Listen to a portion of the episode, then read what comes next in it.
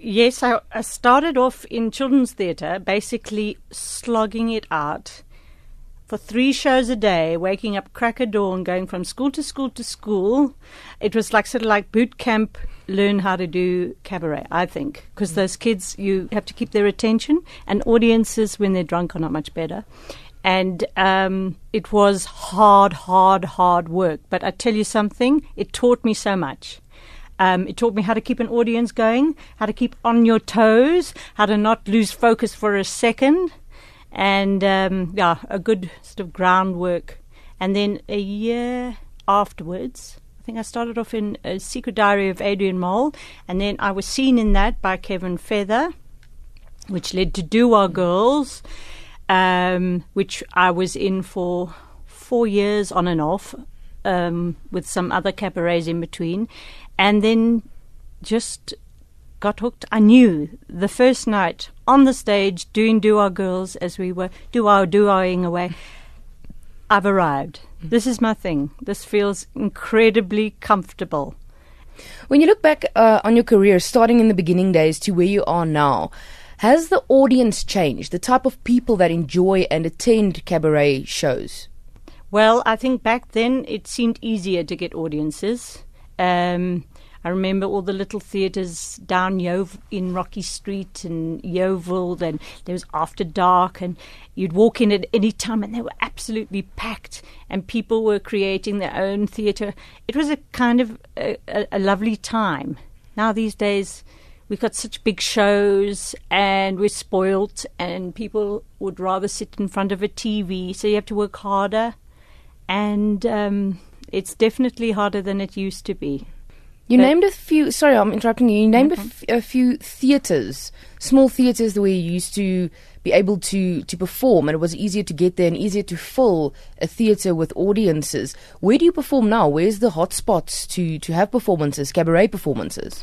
Well, um, I do a lot of small towns. Um, I find that you are um, we're spoilt in the big cities. So you go to a small town and you are appreciated.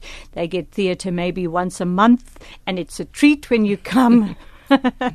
so yeah, I've just done um, Prince Albert, George. Um, planning to do a whole lot of smaller Cape Town theatres, whose names escape me right now.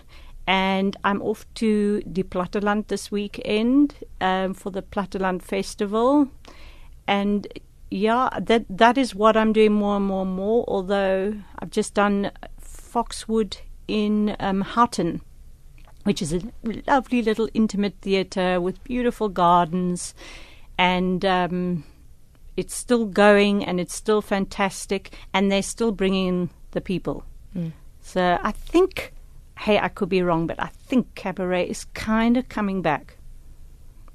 Tonya, you've done so many shows, international, internationally, locally. You performed with great artists, but your voice, you sing really difficult, vocally challenging songs. Why not make your own music? Why not write and record your own music and make a CD?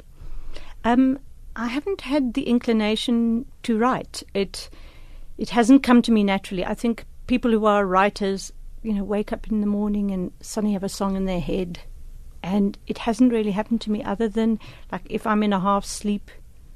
But generally, I don't think I'm a natural songwriter. And I think you either have that calling to you or you don't. You need to be an all rounder being a cabaret artist. You need to entertain the crowd, you need to keep them gripped like children's theatre. You said when people get drunk, they become like children. Is there a secret to this art form. You say, obviously, when you're older, you're more seasoned, you've got more life experience, you know what to say, you know not to care, to take any nonsense from anybody. Is there a secret to it? Um, I, I cannot be so bold as to give the secret. Um, I don't think there really is.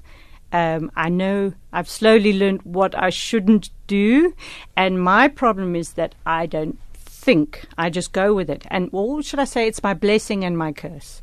So most of the time I'm going, oh, that was funny, Tonya.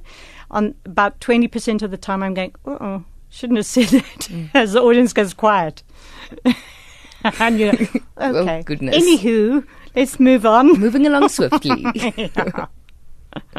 So that obviously comes with time as as you go on. Yeah, you, and, you I'm still trust learning. yourself. I, I still do it every, almost every night. I go, oh, wish I hadn't said that one.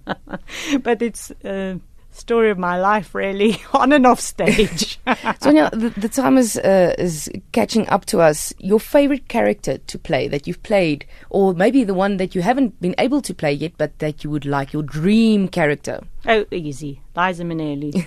You kind of look like her. Yeah. Um, she's done me well. I've done a Liza tribute. I've been in Sun City with Liza. I've done. Um, there was a big time for impersonations. I did Liza, Liza, Liza, Liza, Liza, Liza. I do impersonate other artists like Tina and um, Shirley Bassey. Um, but Liza's my girl.